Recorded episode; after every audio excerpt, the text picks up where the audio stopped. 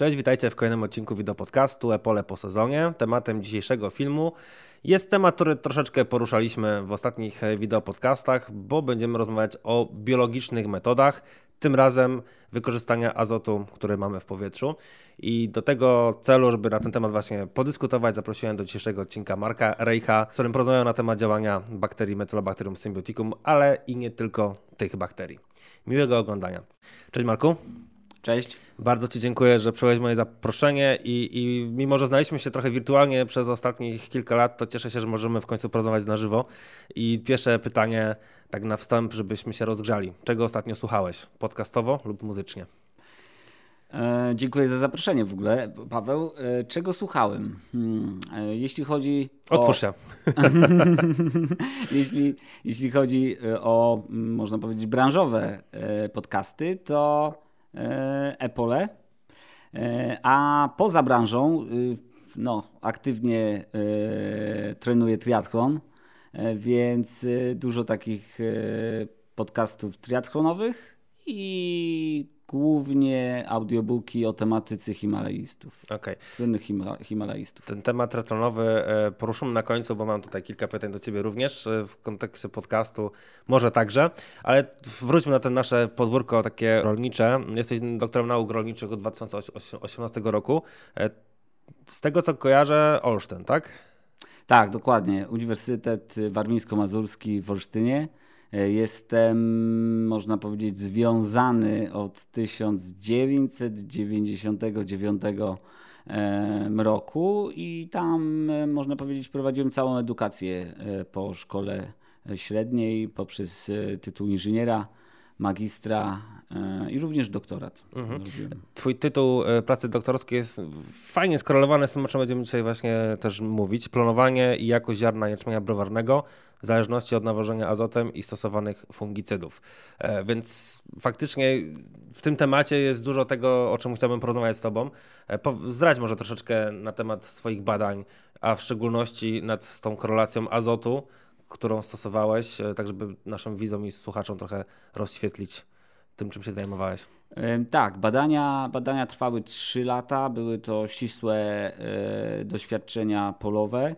E, ponieważ e, to były jeszcze te czasy, gdzie do pracy doktorskiej potrzebne były tak rozbudowane, e, rozbudowane wyniki, aby je opisać. Jeśli chodzi o dokładnie jęczmień browarny, można powiedzieć, jest to gatunek, który w Polsce jest, był wtedy uprawiany na około 200 tysiącach hektarów. To był jęczmień jary.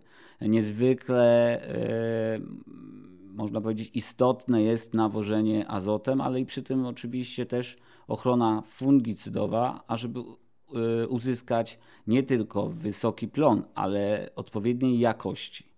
I tutaj y, kwestia jest bardzo ważna, jeśli chodzi o poziom nawożenia.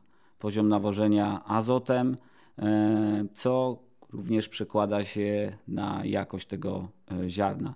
Również w tych doświadczeniach E, jedna z kombinacji zawierała e, produkt, który do tej pory jest na rynku i jest e, biostymulatorem. Oczywiście pod różnymi nazwami, ale, ale produkt cały czas jest stosowany i rolnicy mogą stosować.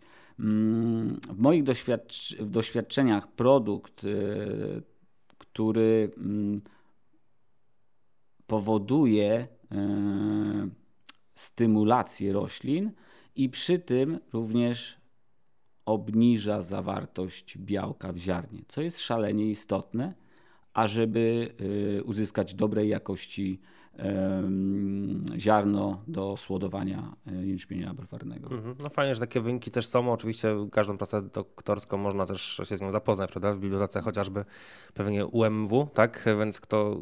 Tak, UMW? Dobrze? UWM. UWM, przepraszam, tak? Więc każdy, kto jest z regionu północno-wschodniej Polski by chciał, to na pewno idąc do biblioteki może, może się zapoznać. Drogi Azot, był w sezonie 2022, na tą chwilę cały czas również, e, również jest, aczkolwiek ta tendencja jest pewnie trochę niższa niż to było w sezonie 2022.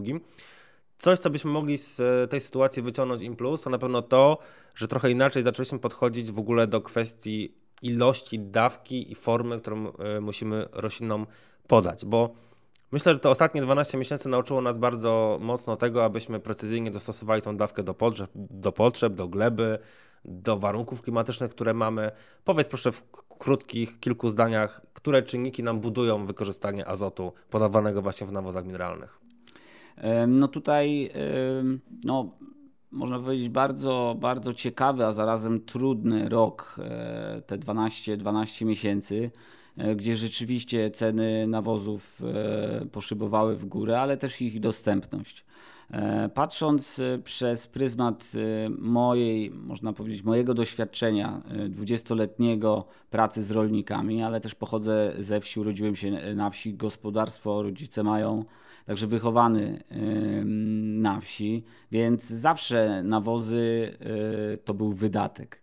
E, w tym roku również e, kwestie nawożenia e, dotyczyły i w moim gospodarstwie, dlatego też patrząc na dostępność różnych substancji, które można by było użyć w zamian za azot, no też rozpatrywałem.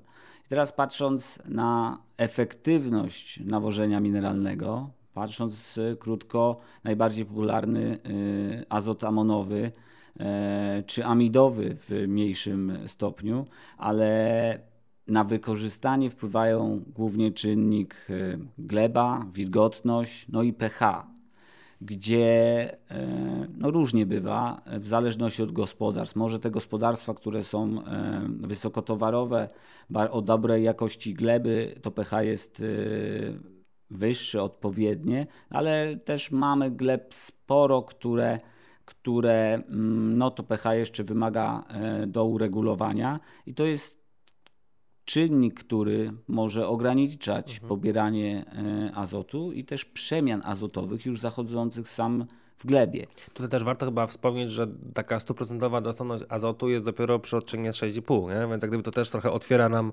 oczy w kontekście, ok, nie mam uregulowanego odczynu, no to może jednak nie ma sensu ładować aż tak dużo tego azotu.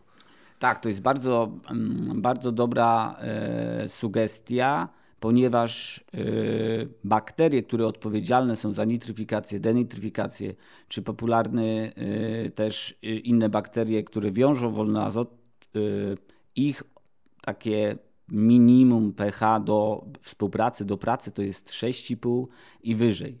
Więc to też, to też jest właśnie element, gdzie te przemiany azotowe są znacznie e, spowolnione i niekorzystne e, w stosunku do rośliny. A jeśli roślina nie pobiera tego azotu, który my podamy, to tak jakbyśmy, e, jakby rolnik wyrzucił ten, ten, ten nawóz po prostu w powietrze albo, albo został wypłukany. Mhm. No i ten czynnik wody, który myślę, że w tym sezonie, podobnie jak w poprzednich, mocno redukował wykorzystania azotu, prawda? No bo jednak na wielu doświadczeniach mieliśmy okazję się przekonać, że, że to woda była tym takim reduktantem głównie, jeżeli chodzi o ilość pobranego azotu przez rośliny. Tak, e, i tutaj e, często obserwuję mm, ten problem e, wody, mm, ponieważ ja mm, główne moje obserwacje to, to północno-wschodnia część Polski, ale też podróżuję po całej Polsce. Cały czas gdzieś widzę, jak, jak pogoda się zmienia i, i, i e, aplikacje nawozów mineralnych często są w, tak, e, w takim momencie, gdzie może w sam, w sama aplikacja, dzień aplikacji, jeszcze ta wilgoć jest, bo pochodzi e, z tego jesienno-zimowego okresu. Ale patrząc na ten przebieg po aplikacji, gdzie jest sucho, te granule leżą, nie doszło do hydrolizy, no bo tej wody nie ma, i, I, tutaj trzeba zwrócić na to uwagę, że jeśli granula e, nie rozpuściła się, krótko mówiąc, to jeszcze jak ona ma się przemieścić do strefy korzeniowej.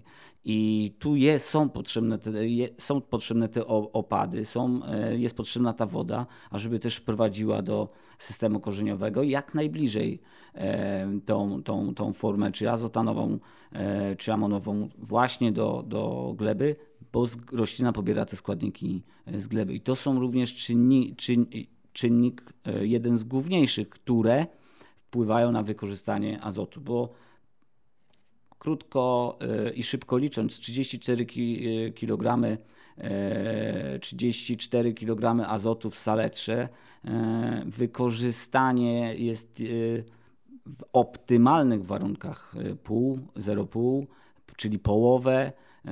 Źródła podają 0,7 jednak również może spadać do 20% wykorzystania i to też jest właśnie skorelowane, jeśli te czynniki się nałożą, tak jak pH i, i brak e, wody, może mhm. być to wykorzystanie gdzieś na poziomie 20%.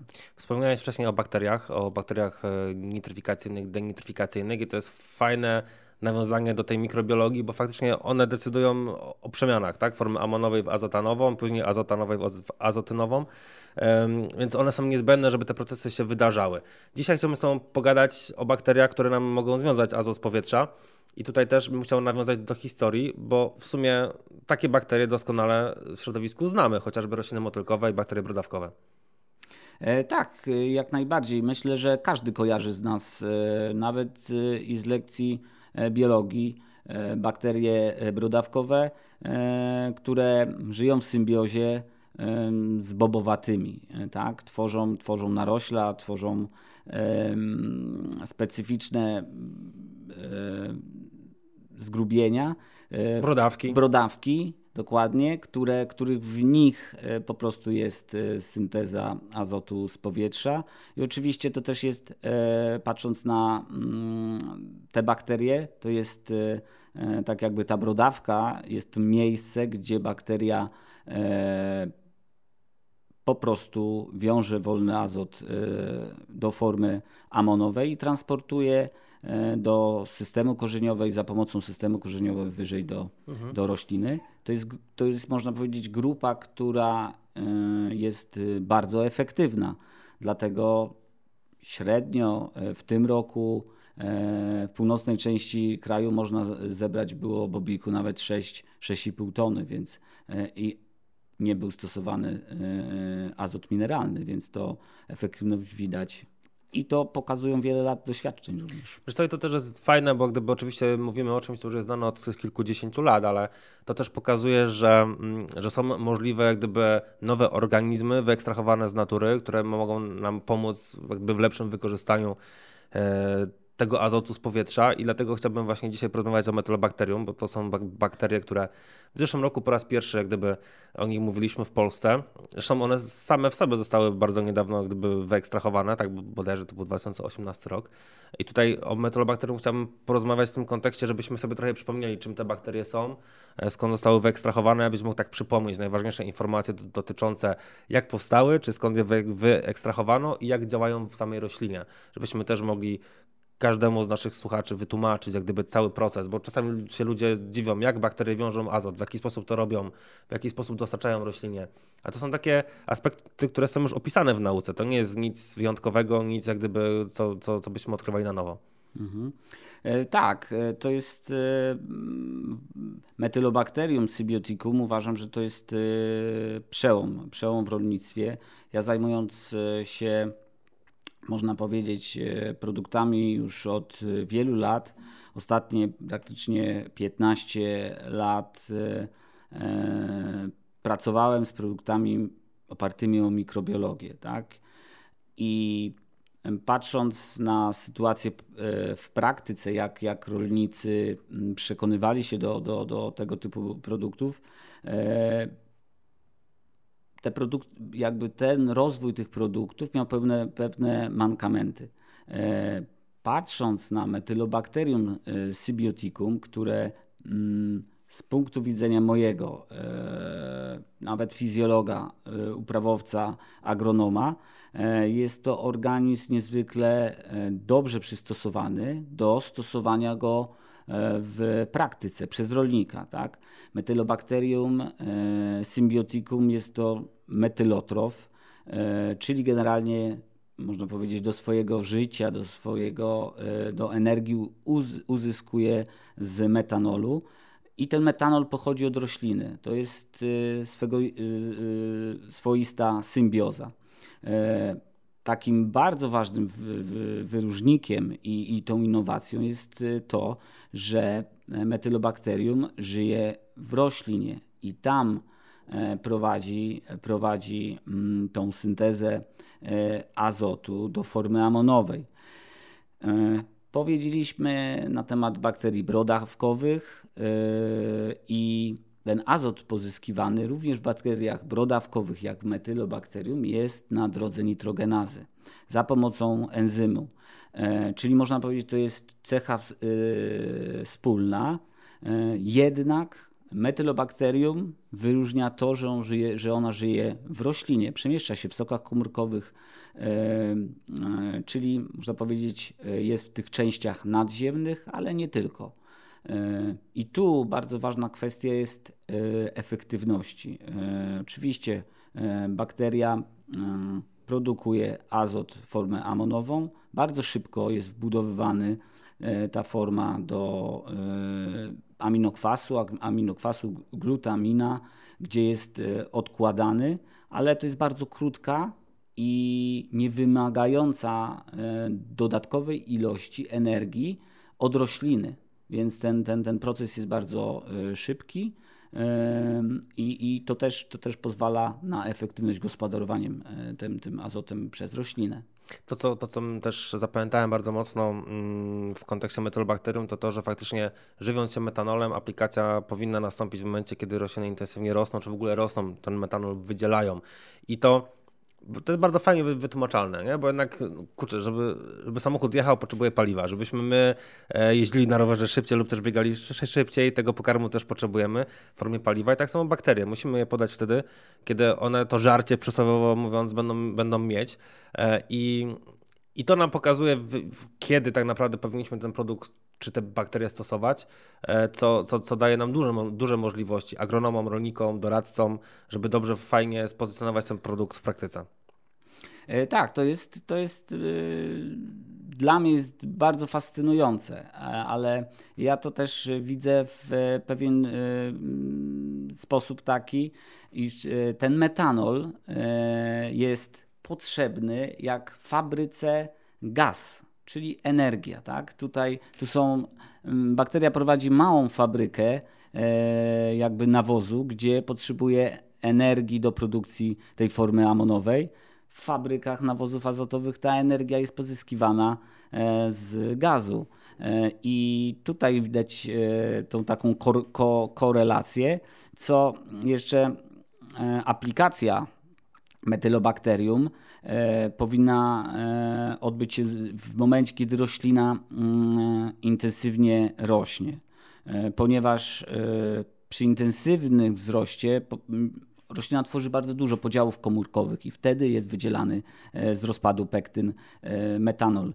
I ten metanol jeszcze do niedawna naukowcy nie do końca wiedzieli, co się dzieje z tym metanolem i odkrycie e, bakterii, które mają te właściwości metylotroficzne, e, jakby pomogły też w poszukiwaniu tego typu organizmów. Także to jest naprawdę ogromny przełom w mikrobiologii takiej stosowanej, praktycznej. Mhm, tutaj też taki fajny, fajny aspekt, który ja widzę, kwestia kolonizacji, no bo mówimy o mikrobiologii, więc tutaj też trzeba jak gdyby na ten aspekt spojrzeć. E, w tym sensie, że ok, im więcej metanolu, tym będzie, będą się szybciej namnażały te bakterie, będą szybciej kolonizowały kolejne części rośliny, co ma znaczenie w szczególności w tych roślinach intensywnie rosnących, no bo tam też nam zależy, żeby jak największa mhm. powierzchnia liścia była, czy w ogóle rośliny była mm, zasiedlona bakteriami i, i jak gdyby to się później przekłada na ten efekt finalny, no bo nam zależy na tym, żeby część azotu z powietrza związać i dostarczyć roślinie. To ile go zwiążemy, zależy od tempa kolonizacji, od tego jak długo te bakterie będą na roślinie żyły i ten azot wiązały z powietrza. E, no i w sytuacji, kiedy ten czas będzie długi, to możemy spodziewać się większej ilości niż w sytuacji, kiedy ten czas jak gdyby kolonizacji będzie krótszy, bo będzie, nie wiem, uzależniony od wegetacji na przykład. E, tak, oczywiście kwestia e, raz czasu, czyli jak długo będzie metylobakterium w roślinie pracowało. Można powiedzieć, Również e, to jest ten, ta efektywność uzależniona jest od możliwości genetycznych rośliny. E, tak jak na przykład e, w przypadku zbóż możemy w naszych warunkach zebrać 10 ton pszenicy i ma metylobakterium określoną efektywność, tak na przykład w kukurydzy tego, ten plon masy jest dużo większy, więc również ta efektywność produkcji tego azotu przez metylobakterium jest wyższe. E, no to widać w doświadczeniach, widać w doświadczeniach ścisłych, ale również w doświadczeniach, e, które są prowadzone przez rolników w całej Polsce. Ja na przykład mam bardzo dużo sygnałów, gdzie rolnicy E, wręcz chcą pochwalić się e, takimi efektami, a nawet e, często zapraszają mnie, żeby pokazać, no zobacz Marek, tutaj przetestowałem, przetestowałem tą bakterię i efektywność jest na poziomie, czyli utrzymałem odpowiedni poziom plonowania, czyli podobny, ale ograniczyłem o 150 kg azotu, na przykład z trzeciej dawki, e, tak było w pszenicy. E, minimum 30 e, kg azotu dostarczonego dla rośliny to naprawdę jest e, minimum. I jeśli patrzymy tutaj mm, na długość okresu wegetacji, e, na przykład zbóż, faza E, tego wzrostu to ta faza 31 BBCH, gdzie rośliny e, mają już odpowiednią, odpowiednią jakby siłę i wigor, ażeby e, wydzielać sporą ilość metanolu, gdzie dla, dla metylobakterium ten metanol jest tym paliwem i też do, tym sygnałem do kolonizacji. I zobacz, jak dużo czasu mamy do momentu, kiedy roślina zakończy wegetację. Zakończy wegetację, no, można powiedzieć, też pewien sygnał, czyli wydzielanie etylenu, hormonu dojrzewa, dojrzewania, jest to sygnał też dla rośliny, gdzie ona wydziela już e, stosunkowo mało metanolu. I no, ta kolonizacja siłą rzeczy jest, zamiera w pewnym mhm. stopniu, choć publikacje naukowe też, e, też mówią i opisują, że nie tylko metylobakterium żywi się, e, czy można powiedzieć, jest zdolne do syntezowania metanolu, ale również innych źródeł. W momencie kryzysu, kryzysu każdy organizm chce prze, przeżyć. To jest ewolucja i każdy organizm chce przeżyć, więc za wszelką cenę będzie, będzie syntezował cokolwiek E, w momencie kryzysu, ale nie będzie już to z, korzyścią, e, czy nie mhm. będzie dla innego organizmu. Wiesz co, wydaje mi się też, że ten rok 2022 pokazał nam wszystkim, i wam, i mi również, bo ja doświadczenia prowadziłem, że, że fajnie te bakterie można wykorzystać i chciałbym teraz, żebyśmy sobie przeszli przez kilka głównych grup upraw, e, tak żebyśmy mogli podzielić się wzajemnie doświadczeniem twoim i moim w kontekście stosowania Metolobacterium symbioticum, czyli bakterii, które są w produktach Bluen i Utriciaen. Powiedz mi tak, bo mm, zadowolenie klientów to jest jedna szala. Druga szala to jest naprawdę to, co widzimy w doświadczeniach, gdzie możemy, gdzie możemy sobie zmierzyć dokładnie jak gdyby plon, jakość plonu, gluten, tak, masę tysiąca nasion, skorelować te wyniki jak gdyby z obiektami kontrolnymi. E, czasami były takie sytuacje, kiedy ten efekt wizualny był tak bardzo widoczny już tam 2-3 tygodnie po aplikacji, że nawet, wiesz, czekaliśmy, ja przynajmniej czekałem bardzo mocno zainteresowaniem, jak to wyjdzie w plonie, no bo jeżeli widzisz coś gołym okiem, że wygląda lepiej e, po dwóch tygodniach od aplikacji czy po trzech, no to czekasz nie? w takim oczekiwaniu właśnie bardzo mocnym, co z tego wyjdzie. I chciałbym zacząć od zbóż, może na przykładzie pszenicy, bo pewnie jej mamy najwięcej. Przede wszystkim, żebyś powtórzył właśnie tą fazę, kiedy najlepiej produkt zastosować, czy które fazy są najlepsze do tego, żeby oczekiwać e, zwyżki plonu, lub też, jeżeli nie chcemy zwyżki plonu, to które mamy jest najlepsze, żeby na przykład wpłynąć na zawartość białka. Ja też podzielę się po tej części, gdyby moimi doświadczeniami i sobie zrobimy taki dwugłos trochę w tym przypadku. Tutaj, mm, to znaczy ja podzielę się takim doświadczeniem e, z mojego prywatnego, e, można powiedzieć, ogródka. Wraz z tatą, z bratem prowadziliśmy e, obserwacje. I tak można powiedzieć też z ciekawością na pierwszej roślinie, ponieważ mamy jęczmień ozimy. Jak wiesz, jest to roślina, która E, nawet na północy, ale bardzo szybko startuje, tak, patrząc na, na klimat. E, więc postanowiłem zastosować na e, jęczmieniu ozimym e, właśnie Bluen. Mm, z dodatkiem, z dodatkiem oczywiście e, molibdenu i żelaza, ponieważ molibden i żelaza, żelazo e, jest katalizatorem nitrogenazy, więc chciałem podkręcić to tempo produkcji tego, tej formy amonowej i zastosowałem, to było 18 mm, kwietnia. Dodam również, że to były warunki dość trudne dla tego pro, produktów. Dodam, że warunki były mm, ogólnie sucha aura, e, ponieważ u nas było e, bez opadów ten, ten, ten, ten okres. E, temperatura w trakcie zabiegu to 7 stopni, nocą 5 i następne dni też były bardzo, bardzo zbliżone. To było 18 kwietnia. Obserwacje pierwszej takiej efektywności za pomocą po prostu oka ludzkiego. Niektórzy mówią, że bywa zawodne, no ale zawsze przyciąga, jeśli jest y, jakaś różnica i e, to zawsze przyciąga e, nie tylko ciekawość, ale również e, jeśli coś zaobserwujemy, to, to jest pierwsze narzędzie do, do, do pokazania jakiejkolwiek różnicy. I naprawdę uwierz mi, ale różnice były zaobserwowane gołym okiem, przez e, mojego brata, e, tatę jako sceptyka, e, ale tak naprawdę różnica była 12, 10, 12 maja, gdzie była już różnica we wzroście, bardzo mm, różniły się te miejsca, w których nie aplikowaliśmy, czyli to można powiedzieć szerokość ścieżki, a na końcu w plonie to sam Nestor Rodu sprawdził, także było 0,6 E, tony więcej, tam gdzie była aplikacja e, metylobakterium. Przy tym samym poziomie nawożenia, tak? Przy tym samym mhm. poziomie nawożenia. I dodam, że o, jakby ograniczyliśmy w stosunku do poprzednich lat, ograniczyliśmy nawożenie azotem o 250 kg saletry e, amonowej. To dużo. I to, i to naprawdę bardzo, e, bardzo ciekawy i, i, i wynik, ale też pokazuje, że naprawdę e, tego azotu stosujemy e, za dużo. Tak? Często, często ten azot nie jest wykorzystywany ze względu na te trudne warunki.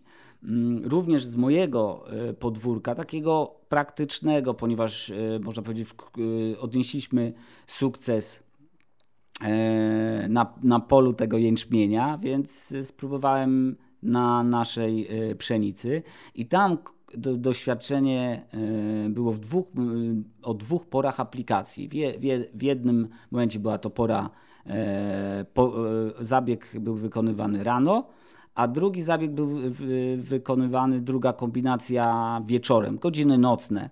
E, I tutaj również tylko zastosowana dawka azotu 250 kg saletry e, i, i Bluen i część pola była oczywiście e, zrobiona kontrola, gdzie było stosowane jeszcze dodatkowo 250 kg saletry, czyli 450 kg saletry.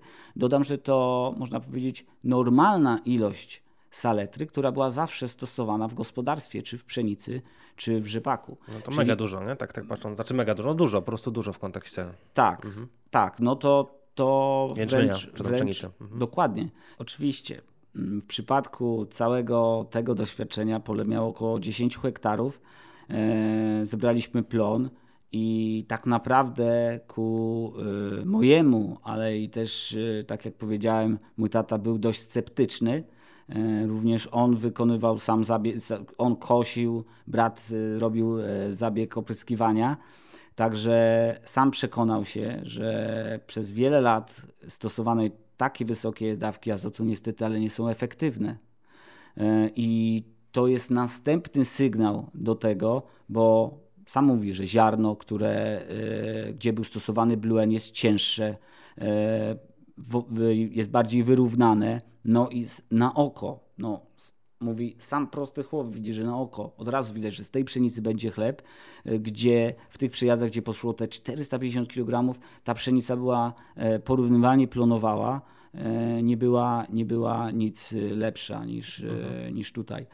Patrząc na obserwacje z całego kraju, to te wyniki są naprawdę imponujące.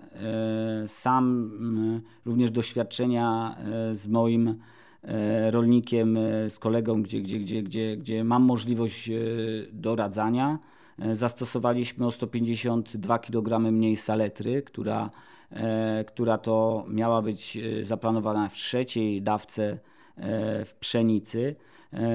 I to, to można powiedzieć bardzo duże doświadczenie, ponieważ Ca całość y, obserwacji miało 210 hektarów, gdzie 40 hektarów zostało aplikowany Bluen bez tych 150 kg e, saletry i y, obok na 160 czy 170 tam było pełne nawożenie tak? i uzyskaliśmy e, poziom plonowania e, podobny i też ziarno tam, gdzie był stosowany Bluen było lepszej jakości. To mhm. są takie wyniki, które ja sam można powiedzieć, e, praktycznie obserwowałem e, z moimi zaprzyjaźnionymi rolnikami, no bo, bo, bo jest, ich, jest ich sporo, na, przynajmniej na północy kraju. To ja się podzielę tylko doświadczeniem z doświadczeń ścisłych, tak, które były wykonywane przez Uniwersytet Przyrodniczy w Poznaniu, bo tam mieliśmy kontrole nawozowe na poziomie 170, 140 i 120 kg azotu na hektar. I dla tych obciętych dawek zrobiliśmy też obiekty z aplikacją bakterii mm, w fazie BPCH 32, 37 i 45, czyli drugie kolanko, liść podflagowy oraz tuż przed wykłoszeniem. I, I powiem Tobie, że faktycznie ten wcześniejszy termin aplikacji, czyli drugie kolanko, no to tam już dwa tygodnie później, czyli właśnie w okolicach 12 maja, bo zabieg był wykonywany około 27 kwietnia, no to wizualnie to było widać. Ciemniejsza pszenica, troszeczkę wyższa, ale też ta barwa przede wszystkim taka porównywalna przy 140 kg azotu z bakteriami no do pełnej dawki 170 kg. E, ale koniec końców najwięcej, jak gdyby najwięcej takiego efektu wow zrobił plon, no bo na kontroli bodajże było 8,8, czyli tej kontroli z pełną dawką, o dziwo, dla kontroli z dawkami niższymi też było bardzo podobnie, bo na poziomie 8,6, 8,7, czyli powiedzmy, że statystycznie pewnie nie było różnic, a tam, gdzie była dawka obcięta do, 100, do 140 plus bakterie, tam było o pół tony więcej. Nie? Więc jak gdyby to, co widzieliśmy, przełożyło się też na efekt taki wprost policzalny, czyli w plon. E, I, i, I jak gdyby to też pokazuje na doświadczeniach ścisłych, gdzie mamy rozlosowanie, gdzie jak gdyby zmienność glebowa ma mniejsze znaczenie, bo jak dobrze wiesz, każde, tak. każde rozlosowanie, każdy pas jest jak gdyby e, w, w, innym przejściu, w innej części jak gdyby tego pola, więc e, no to, to pokazuje fajne możliwości. Ja trochę będę cię challenge'ował dzisiaj na, na, na, gdyby w, na takiej podstawie, że ty mi opowiesz doświadczenia polowe, a ja będę się odwołał do, do doświadczeń ścisłych, bo takie prowadziłem i, na, i, i takie też obserwowałem, ale one też dają duże pole, takie możliwości, żeby wyciągnąć właśnie jakieś analizy, no bo, no bo wtedy można sobie kilka rzeczy fajnie sprawdzić w tym samym środowisku. Na polu często możemy porównać dwie, trzy rzeczy, ale na więcej czasami brakuje też możliwości sprzętowych. Nie? Przy poletkach doświadczalnych możemy sobie robić e, no, naprawdę wariacje różne i to może przy okazji kukurydzy do tego wrócę. A zapytam Ciebie teraz o rzepak. W kontekście metylobakterium i rzepaku. Która faza jest najbardziej efektywna, żeby te bakterie podać? I możemy sobie to rozdzielić na cały okres wegetacji. W przypadku rzepaku również y, tu zwracam, zwracam uwagę mm, na fazę tego intensywnego wzrostu. Y, to się to dotyczy, można powiedzieć, każdej uprawy. E, aplikacja w momencie tego intensywnego wzrostu, no to też faza 31, 32 BBCH. Czyli strzelanie w pęd. Mhm. Tak, strzelanie, strzelanie w pęd, gdzie, gdzie te rośliny już są zdolne do, do, do yy, skolonizowania, to znaczy do przyjęcia yy, tych bakterii i ich w pewnym stopniu wyżywieniu tym yy, metanolem. I też ten te jakby mm, pik produkcyjny tej bakterii przypada również na zapotrzebowanie rośliny na, na azot.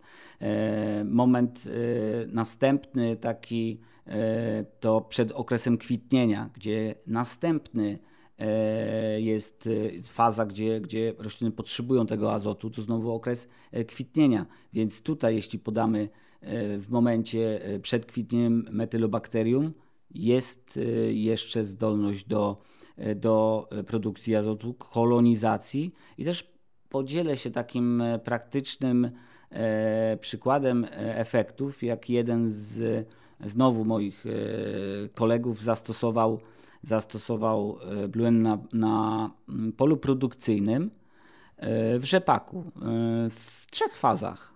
Początek, to znaczy przed kwitnieniem, również połączony E, połączony z e, innymi produktami. Później to druga aplikacja dla sprawdzenia to była, to, były, to była faza opadania płatków i trzecia była praktycznie po, po kwitnieniu właśnie, żeby jakby stosować w tym dokładnie momencie, jak się zaleca, niektórzy zalecają e, azot, azot amidowy w jakimś, w jakimś rozcieńczeniu, tak żeby wpłynęło na zawiązanie, to znaczy wypełnienie e, łuszczyn. I co e, ciekawego, ta aplikacja przed kwinieniem była, była najlepsza. Najkorzystniej wypadła. Sam rolnik mówi, około 5% e, więcej e, plonu. Tak?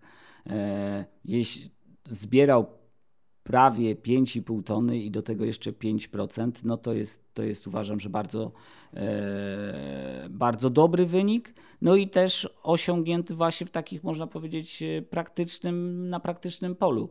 Ale doświadczenia też również ścisłych, które też ja prowadzę, które, które obserwuję, pokazują, pokazują dokładnie te same e, efekty, gdzie obniżamy e, ilość azotu z pełnej dawki o 30 do 50 kg, możemy uzyskać ten sam poziom planowania, a często i też e, wyższy. Także to jest bardzo, bardzo, bardzo dobre i, i potwierdzane wyniki, nie? te ścisłe z tymi mhm. Szczerze Paku, ja tylko tak krótko od siebie dodam, że faktycznie im szybciej e, aplikacja występuje, to możemy spodziewać się jak gdyby lepszego wpływu tych bakterii, prawda? Bo, mhm. bo jednak ta długość okresu wegetacji daje nam, może nie nam, daje tym bakteriom tak większe możliwości na to, żeby skolonizować rzepak, tym bardziej to już jest duża roślina w momencie aplikacji.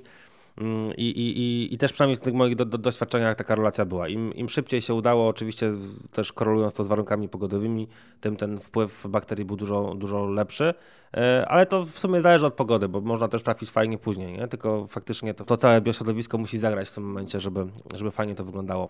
Dokładnie. Jeszcze jak mogę, jeszcze mogę Ci przerwać, bo też jest bardzo fajny, bardzo ciekawy e, przykład, gdzie prowadziłem E, prezentację e, w województwie zachodnio-pomorskim. To było gdzieś 20 marca e, i właśnie mówiłem o metylobakterium symbioticum i jeden, jeden z mm, doradców mówi, że produkt już rolnik zastosował. I w pewnym momencie mówię, o to ciekawe, to chcę wiedzieć jak, jak to wyszło. I rzeczywiście ta plantacja była monitorowana i, i, i sam, sam rolnik stwierdził, że no on widział efekty po dwóch tygodniach. Obserwacje były prowadzone e, też i przez, przez doradcę i naprawdę była e, najbardziej efektywna e, aplikacja spośród e, wszystkich, które e, on wykonał, mówi. I to jest bardzo ważny też argument do tego, żeby nie bać się e, tak bardzo tych, tych e, temperatur, ponieważ no, te... Znaczy grunt to chyba się wszczelić, to znaczy zastosować w odpowiednich tem temperaturach, jak gdyby, e, no, żeby, żeby, żeby też nie było okay, zbyt dużych spadków tam dzień czy dwa później, nie? ale mm. jak gdyby e, ten sam moment zabiegu chyba jest najbardziej istotny. Tak, dokładnie, dokładnie. To jest to, jest, to, jest, to, jest to clue. Okej, okay, kukurydza, bo ja tutaj mam ciekawostkę bardzo fajną. Zresztą po kukurydzy chyba się wszyscy spodziewaliśmy najlepszych i najciekawszych e, wyników, bo kukurydza w sumie idealnie się nadaje do tego przez swoją długość wegetacji, poprzez często widoczną wizualnie różnicę w rozwoju. Mm, jakie masz ty swoje spostrzeżenia? E, tutaj bardzo ciekawy, ciekawy, e, ciekawe obserwacje mam z Dolnego Śląska. Mm, właśnie z pól rolników, gdzie mm, były, mm, można powiedzieć, był testowany e, przez, przez nich pewnie z pewnego punktu scep, scep, sceptycznego. E, I tam były obserwacje prowadzone na, na różnych kombinacjach, ale e, można powiedzieć naj, najciekawsza była jedna, w której rolnik obniżył nawożenie azotem o 46 kg, to akurat był stuwa, e, mocznika stu, stuwa dokładnie mocznika, ze 176 na 126. E, I co e, ciekawe, poziom plonowania był na Na, tutaj był, gdzie pełna dawka tego nawożenia mineralnego było to było 8,8 tony. Jak na tereny, sam rolnik mówi, że no, zbierał, zbiera niższe plony, ale tu, gdzie był zastosowana niższa dawka plus Blue N, było 9,6 tony z hektara w przeliczeniu na suche ziarno. Więc tutaj raz korzyść, e, niższe, e, niższe e, nawożenie, niższy koszt, no i też zwyżka tego plonu. Wiesz co, ja jestem zawsze ciekawy, jak, e, jak podchodzimy do takich wyników, bo z jednej strony to jest dużo. Półtorej tony przy, przy, przy, przy, takich produktach, które mają też wpływać biostymulująco, chociaż wiemy dobrze, że Blue czy Nutrition nie mają głównej takiej roli, ale przy okazji też tak działają, no to półtorej tony to, to jest dużo, ale czasami tak mam wrażenie, że ludzie by chcieli widzieć jeszcze większe wyniki, jeszcze większe różnice, ale tutaj już logika musi wejść w grę, nie? Gdyby też, też musimy sobie racjonalnie odpowiedzieć, że okej, okay, azot to jest tylko jeden makroelement, który nam wpływa na plon. Możemy mieć go ponadto, ale jak nie będziemy mieć potasu, fosforu, magnezu, siarki, no to jest pewien, pewna granica, pewien tak zwany kurczę, jeżeli chodzi o efektywność, taki sufit, tak, e, którego nie, nie przeskoczymy, bo ja mam z kolei fajne wyniki z kukurydzy, gdzie teraz się z tobą po, podzielę nimi 150 kg azotu, 120, 100 i 80, cztery kontrole nawozowe. I sobie wy, wyobraź, że czy było 150, czy było 80, tam plon był taki sam, 7 ton kukurydzy. I, I to często jak pokazuję ludziom gdzieś na szkoleniach, też robi wrażenie takie na zasadzie, aha, okej, okay, to jednak patrzmy na to, ile azotu dajemy, bo czasami naprawdę nie ma sensu przeginać nie? W, kontekście, w kontekście ilości, ale z kolei tam, gdzie były te kontrole nawozowe um, i dodane były bakterie, w dosyć wczesnej fazie, bo tam był czwarty, piąty liść, więc powiedzmy, że ten początek, kiedy, e, kiedy są rekomendacje, tam było o tonę, tonę 200 więcej. Nie? I jak gdyby, e, no to, to, to jest prawie 10% w tym przypadku co, co gdyby pokazuje nam dwie rzeczy. Fajny efekt taki faktycznie bio, biostymulujący, a dwa lepsze wykorzystanie azotu, nie? że jednak jesteśmy w stanie sobie naprawdę racjonalnie do tego podejść i możemy tą dawkę azotu ograniczyć, wykorzystując azot z powietrza poprzez pracę bakterii.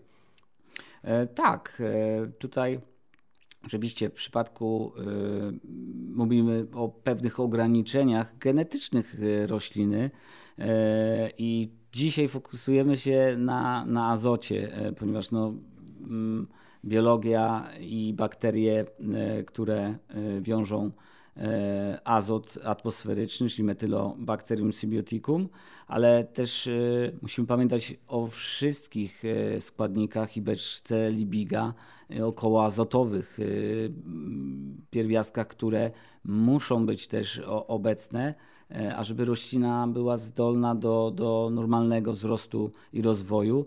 I tak jak powiedziałeś, e, aplikacja e, metylobakterium nie zmieni genetyki i ograniczeń genetyki rośliny. Także tutaj trzeba powiedzieć sobie otwarcie, w pewnym stopniu ta bakteria ma e, ograniczyć stosowanie, e, oczywiście do tego odpowiedniego momentu, ograniczyć stosowanie nawozu azotowego. I teraz e, te doświadczenia, które ty masz, które ja mam, też jeszcze mógłbym się podzielić doświadczeniami ścisłymi, które są, są prowadzone czy, czy na Uniwersytecie Warmińsko-Mazurskim, czy na Uniwersytecie Przyrodniczym, czy w innych jednostkach one są e, tak zaplanowane, ażeby e, pokazywać, jak dużo możemy, jak wiele możemy obniżyć dawkę azotu e, i w to miejsce zastosować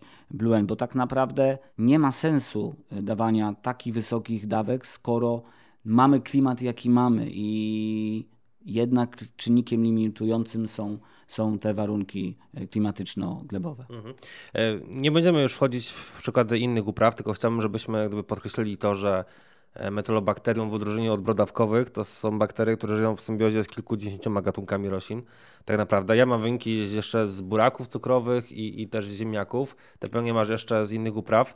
Tak naprawdę możemy powiedzieć śmiało, że nawet wiem, że w, w warunkach Polski były stosowane te bakterie w roślinach motylkowych jako uzupełnienie tak, tych bakterii brodawkowych, które są na korzeniach, więc tak naprawdę to są duże możliwości, jak możemy sobie gdzieś tam uzupełnić jeszcze ten azot. W ekologii to jest główne źródło azotu, prawda? Mhm.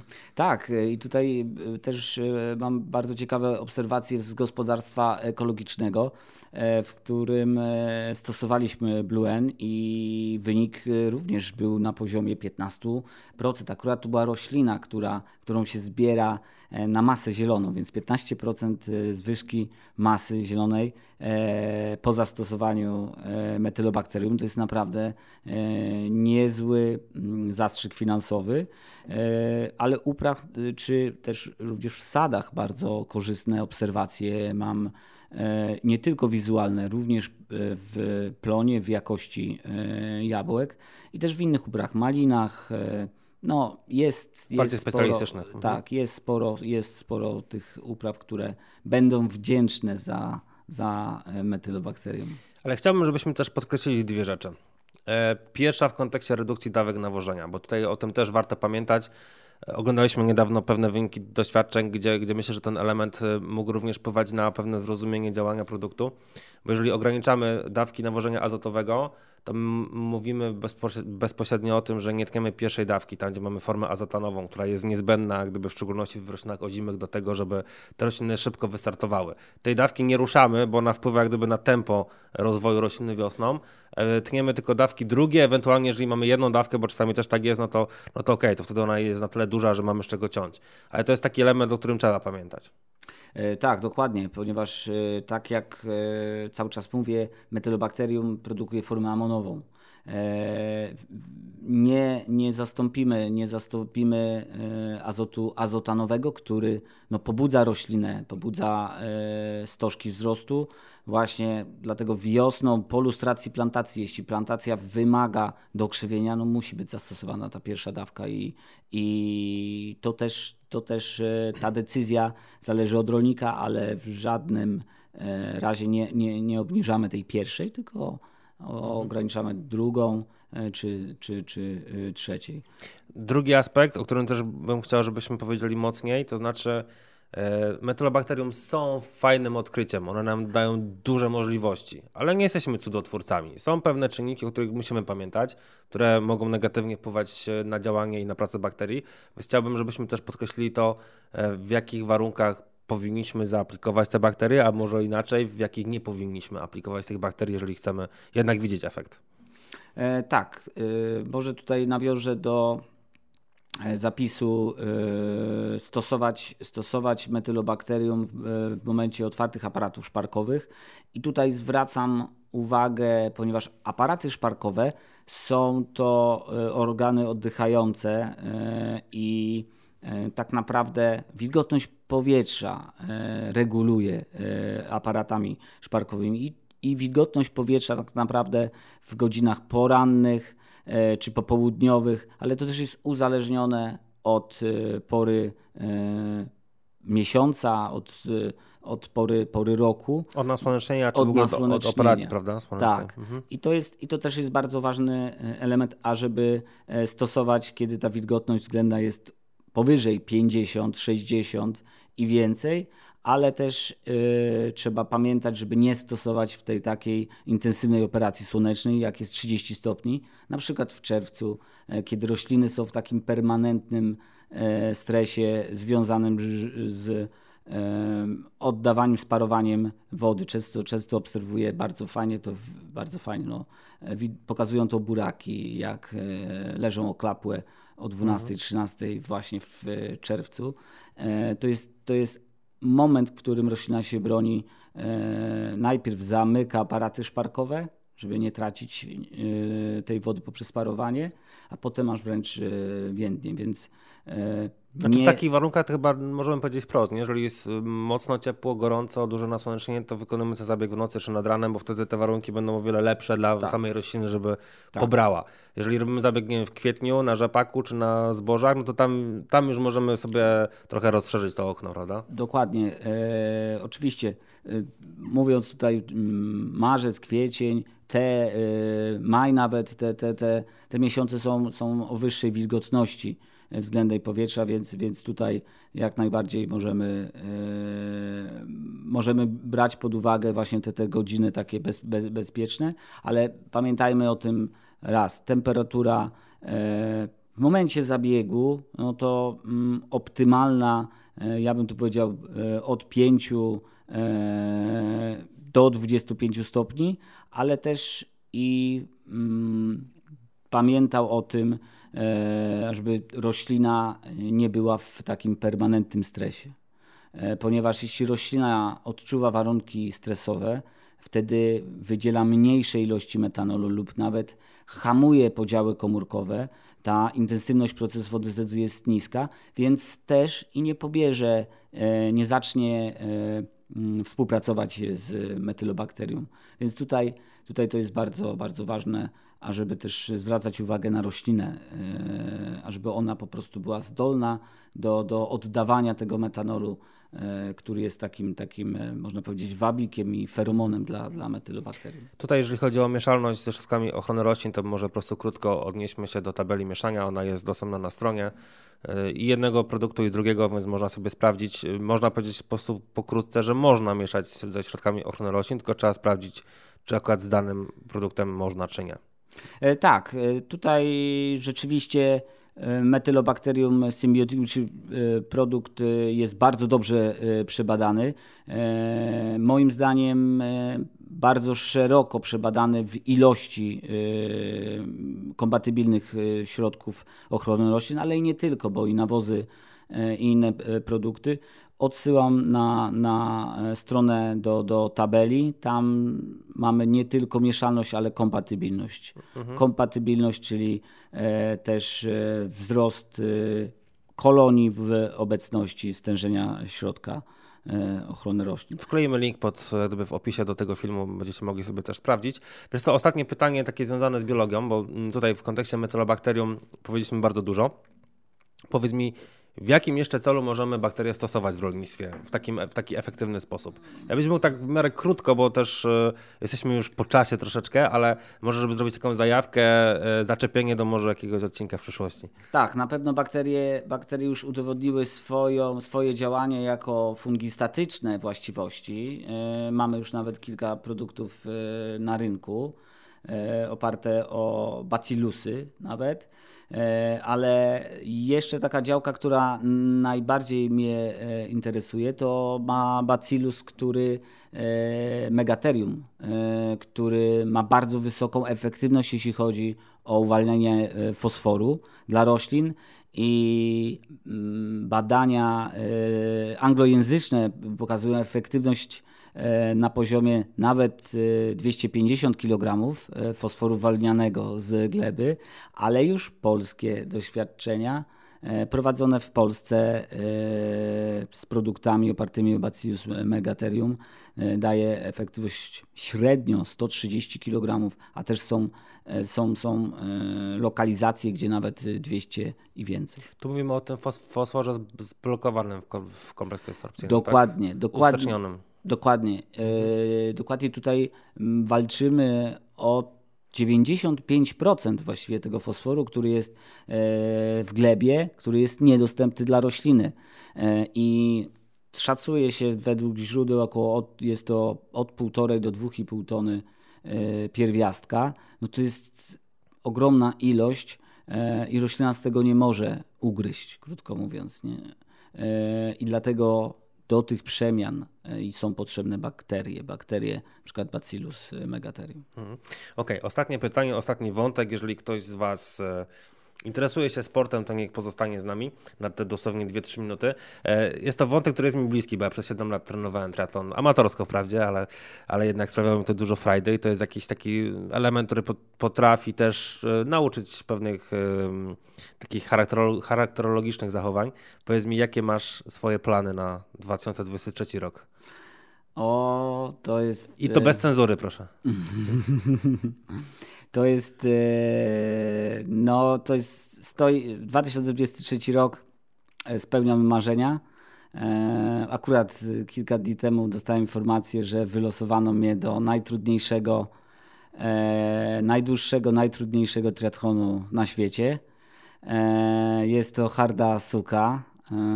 Nie bez przyczyny tak się nazywa. Jest to, są to zawody, w którym biorą około mm, maksymalnie 50 zawodników. Mhm. Jaki jest, to jest dystans?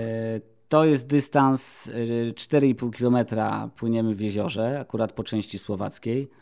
E, później wskakujemy na rowery i jedziemy 240 km e, po, naokoło Tatr. E, I najtrudniejszy, i, i te 240 km to jest prawie 7 tysięcy przewyższeń, czyli suma 7 tysięcy przewyższeń.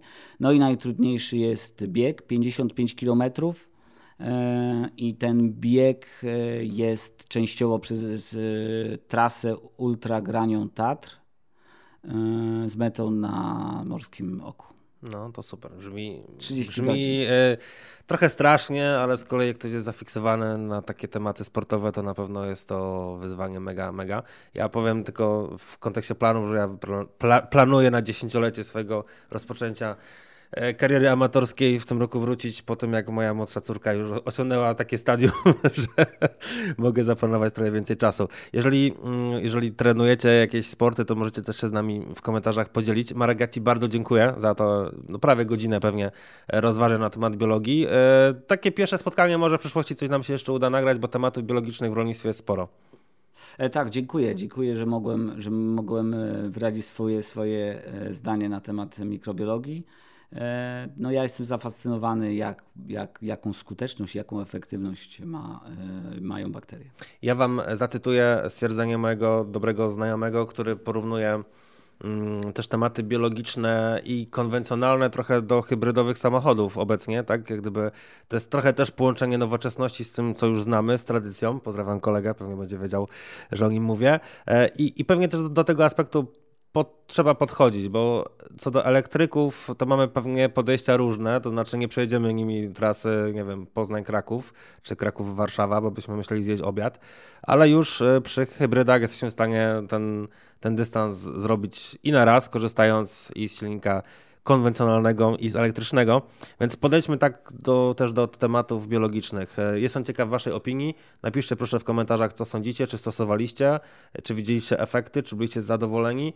E, podyskutujmy, ale w racjonalny sposób, bo tutaj na pewno też mm, nie ma co na tematy biologiczne mm, patrzeć pod kątem emocji, tylko w suchych faktów i do tego się odnosić. Dzięki za ten odcinek. Do zobaczenia w przyszłym tygodniu, w przyszłą niedzielę. Cześć. Do zobaczenia.